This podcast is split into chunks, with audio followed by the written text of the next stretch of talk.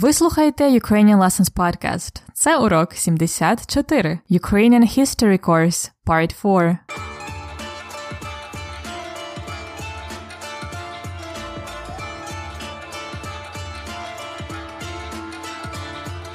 Привіт усім! Ви слухаєте подкаст Уроки української. Ви тут, щоб вивчати українську мову, культуру та історію. Якщо ви хочете отримати більше ресурсів для вивчення української мови, запрошую вас на наш сайт ukrainianlessons.com. Як у вас справи? У мене все добре. Зараз я ще живу і працюю у Філадельфії, але я повертаюся в Україну десь наприкінці травня. Я вже не можу дочекатися. Якщо ви слухали наші попередні епізоди, то ви знаєте, що зараз на подкасті особливі уроки. Я та мій друг, історик Дмитро, готуємо для вас короткий курс з історії України. Сьогодні четвертий урок курсу. В епізодах 71 і 72 ви слухали про Київську Русь, 13-16 століття, а минулого разу ви могли дізнатися про українських козаків, гетьманів Богдана Хмельницького та Івана Мазепу. Сьогоднішній урок історії називається Україна в складі двох імперій. Ви можете прочитати в енциклопедії важливі історичні терміни англійською мовою. Це вам дуже допоможе зрозуміти текст. Енциклопедія знаходиться в описі епізоду, а також на сторінці епізоду на сайті. А зараз хочете послухати вступ ще раз англійською? Let me make an introduction again, this time in English. You're now listening to the Ukrainian Lessons podcast, which allows you to learn Ukrainian language, culture, and history. If you would like to get more resources in Ukrainian language, check out our website, ukrainianlessons.com. How are you? У мене все добре. I'm still in Philly, but coming back to Ukraine at the end of May 2018. Я не можу дочекатися. I can't wait. If you listen to the previous episodes, you should know that now we are having особливі уроки, special lessons. My friend historian Dmitro and I prepare a short course in Ukrainian history for you. In the past sections of the course, we talked about Kyivska Rus, 13 to 16 centuries, and last time the lesson was about Kozaki, Cossacks, and Hetmany, Bogdan Khmelnytsky and Ivan Mazepa. Today's lesson is called Україна в складі двох імперій. Ukraine as a part of two empires. You can see the names of those empires and more terms in the encyclopedia that I prepare for you. It contains the important historical terms that you'd better check before listening to the text. You can find the encyclopedia in English in the description of this episode in your app or at ukrainianlessons.com slash episode 74. And now, let's start today's урок історії. Ви готові? Слухайте повністю. А тоді ми будемо слухати ще раз менші частинки.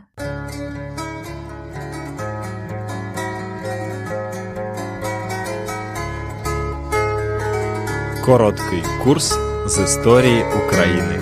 Частина 4. Україна в складі двох імперій.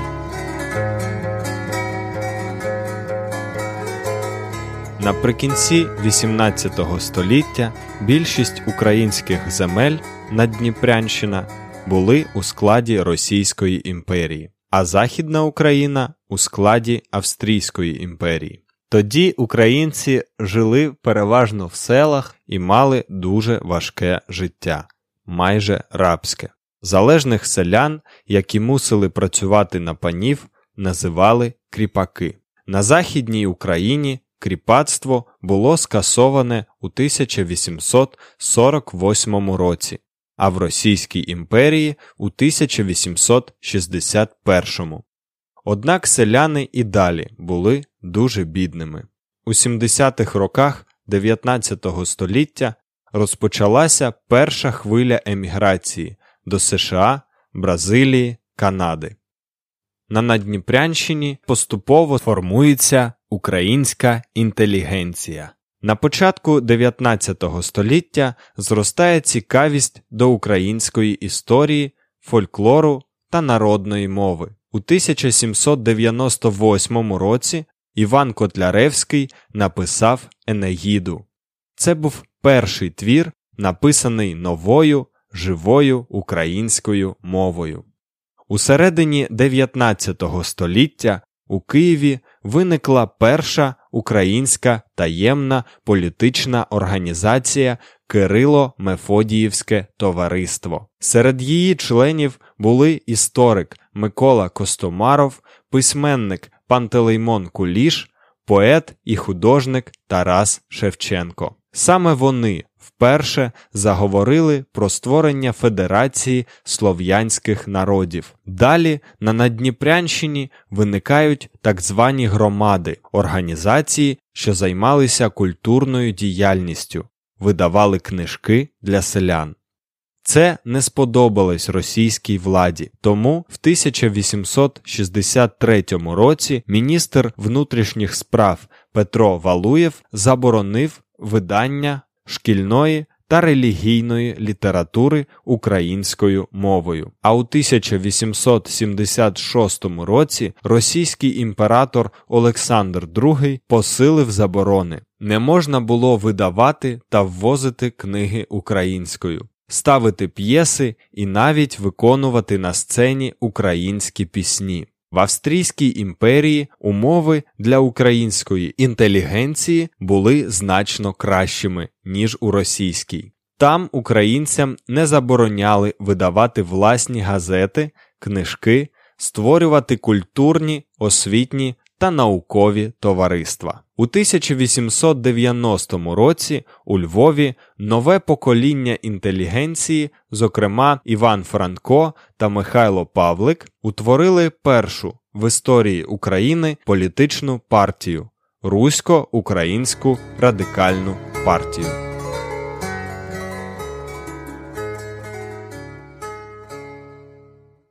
Так, 19 століття було важке, важке, difficult, кріпацтво, еміграція, заборона української мови.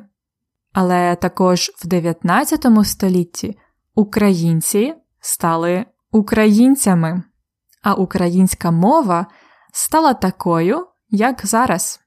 Послухаймо ще раз першу частинку книги. Вона про селян. Селяни це люди, які живуть в селі. Селяни. Peasants. Тоді селяни майже всі були кріпаками. Кріпаки serfs. You can read more about that in Encyclopedia. А зараз послухайте більше про це і спробуйте запам'ятати, у якому році було скасоване кріпацтво в Російській імперії. Слухайте. Наприкінці XVIII століття більшість українських земель Надніпрянщина були у складі Російської імперії, а Західна Україна у складі Австрійської імперії. Тоді українці жили переважно в селах і мали дуже важке життя, майже рабське. Залежних селян, які мусили працювати на панів, називали кріпаки. На Західній Україні кріпацтво було скасоване у 1848 році, а в Російській імперії у 1861. Однак селяни і далі були дуже бідними. У 70-х роках 19 століття розпочалася перша хвиля еміграції до США, Бразилії, Канади. То в якому році було скасоване кріпацтво в Російській імперії? В Російській імперії кріпацтво було скасоване в 1861 році. Скасувати означає to revoke, to abolish, to cancel. Скасований cancelled or abolished то кріпацтво, це середній рід, було скасоване середній рід у 1861 році у Російській імперії. Це дуже важливий рік для селян. А в Австрійській імперії воно було скасоване трохи раніше, у 1848 році. Однак селяни і далі були дуже бідними. Однак, however, синонім хоча, проте. These all are very useful linking words. Однак, хоча, проте. They all mean however.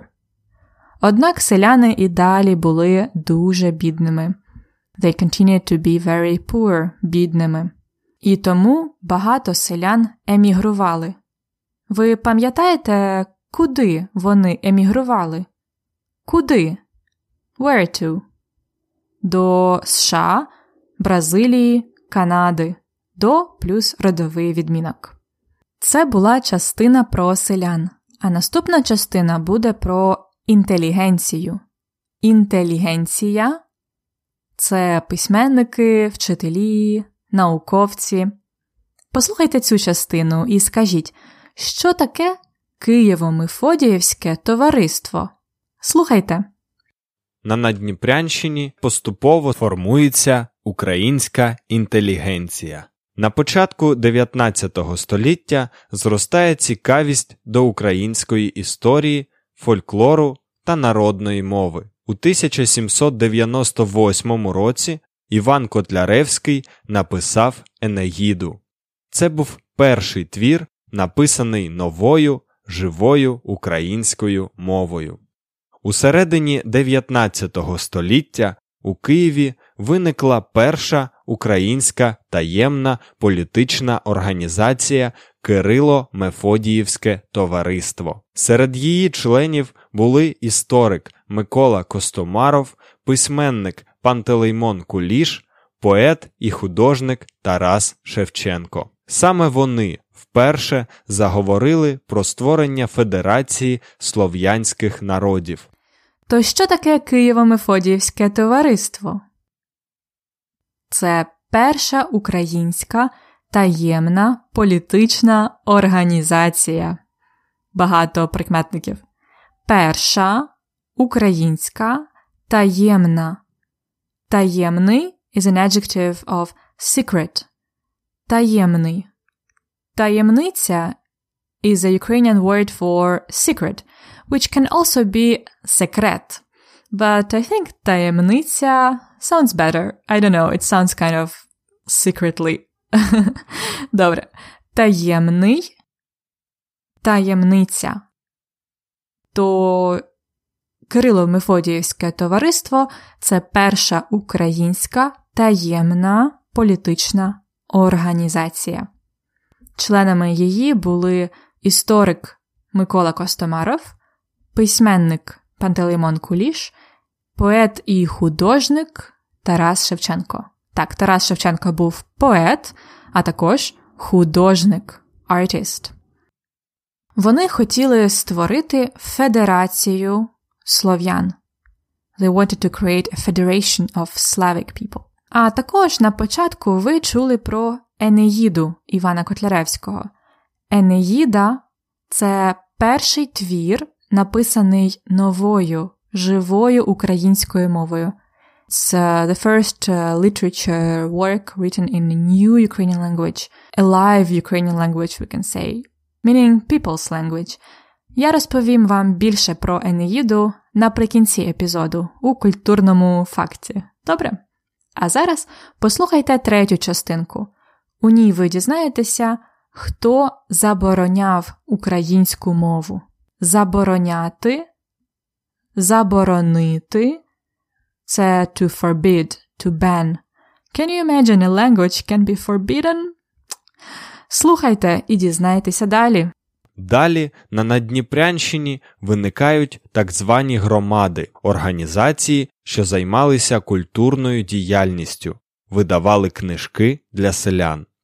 Це не сподобалось російській владі, тому в 1863 році міністр внутрішніх справ Петро Валуєв заборонив видання шкільної та релігійної літератури українською мовою. А у 1876 році російський імператор Олександр II посилив заборони. Не можна було видавати та ввозити книги українською, ставити п'єси і навіть виконувати на сцені українські пісні.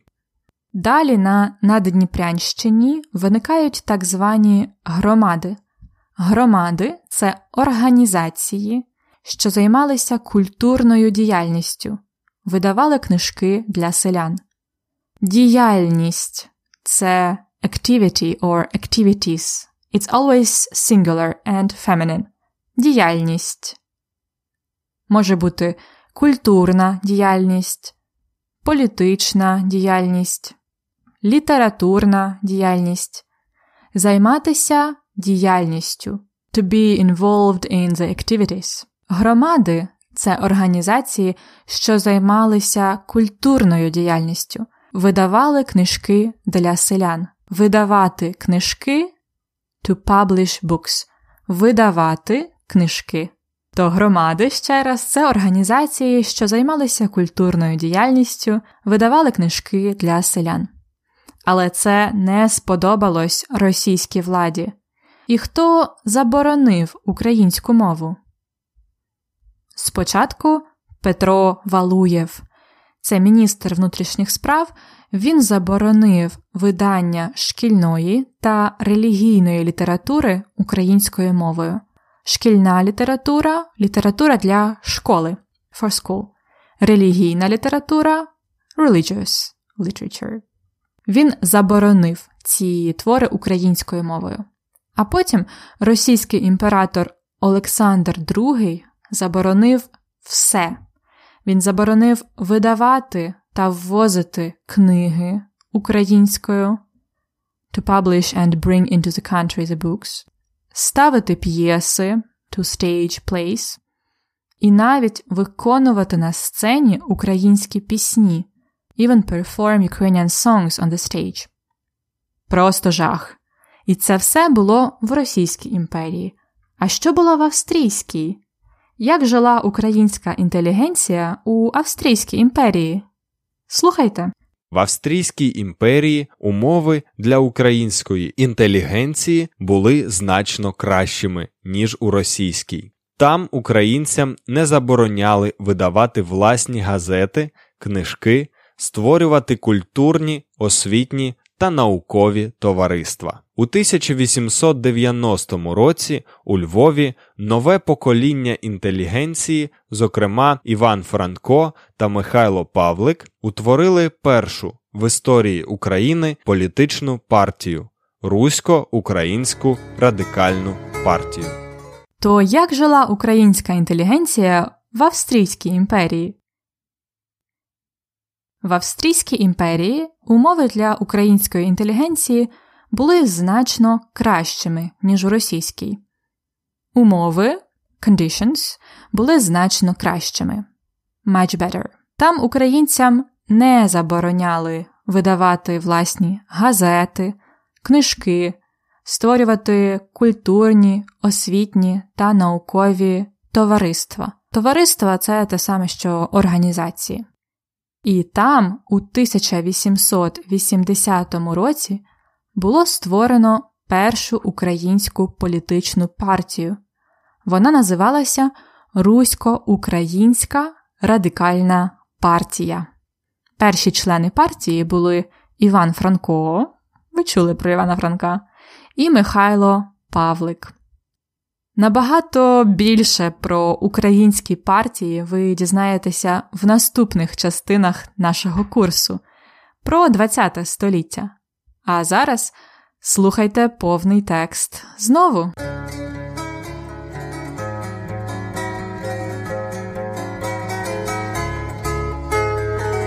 Короткий курс з історії України.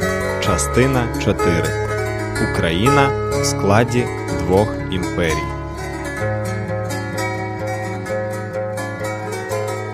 Наприкінці XVIII століття більшість українських земель Наддніпрянщина були у складі Російської імперії, а Західна Україна у складі Австрійської імперії. Тоді українці жили переважно в селах і мали дуже важке життя, майже рабське.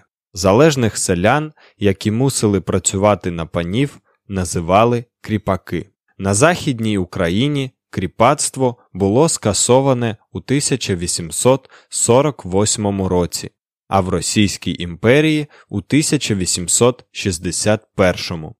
Однак селяни і далі були дуже бідними. У 70-х роках 19 століття розпочалася перша хвиля еміграції до США, Бразилії, Канади. На Надніпрянщині поступово формується українська інтелігенція. На початку 19 століття зростає цікавість до української історії, фольклору та народної мови. У 1798 році Іван Котляревський написав Енеїду.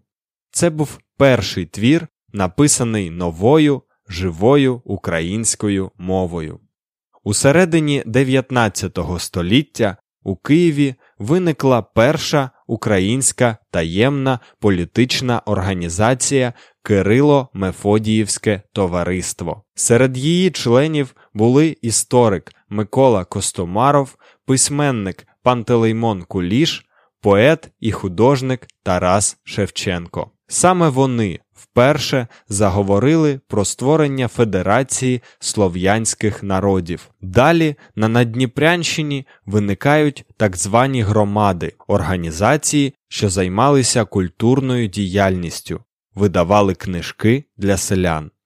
Це не сподобалось російській владі, тому в 1863 році міністр внутрішніх справ Петро Валуєв заборонив видання шкільної та релігійної літератури українською мовою. А у 1876 році російський імператор Олександр II посилив заборони. Не можна було видавати та ввозити книги українською, ставити п'єси і навіть виконувати на сцені українські пісні. В Австрійській імперії умови для української інтелігенції були значно кращими, ніж у російській. Там українцям не забороняли видавати власні газети, книжки, створювати культурні, освітні та наукові товариства. У 1890 році у Львові нове покоління інтелігенції,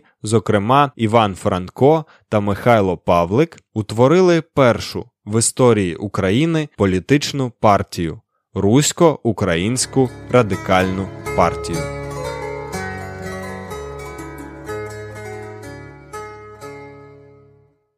Час практики на подкасті. Зараз тест. Now try to do this short test with me to see how well you understand this part of українська історія. Запитання 1. Коли розпочалася перша хвиля еміграції українців? Коли розпочалася перша хвиля еміграції українців? А. На початку 19 століття, Б. У другій половині 19 століття, В на початку ХХ століття.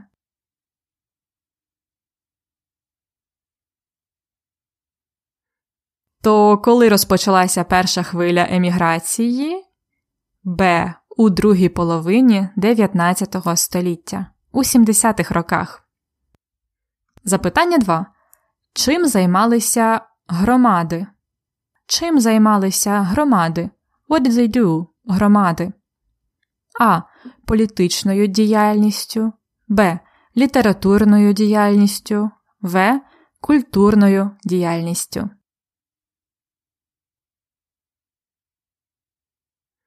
Правильна відповідь В. Громади займалися культурною діяльністю. Вони видавали книжки для селян. І запитання 3 де була створена перша українська партія? Де була створена перша українська партія? А. У Києві, Б. У Львові, В. У Харкові. Правильна відповідь Б. У Львові. Ця партія називалася Русько-Українська радикальна партія. Remember, there is much more practice for you in the lesson notes of this episode.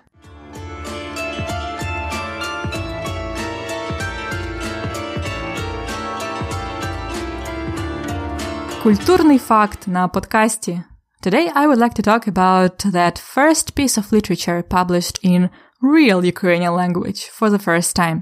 It is very important in the history of Ukrainian language, the one that you are learning. Aeneida is poema, a narrative poem. It was written in 1798 by Ivan Kotlarevsky, a writer from Poltava.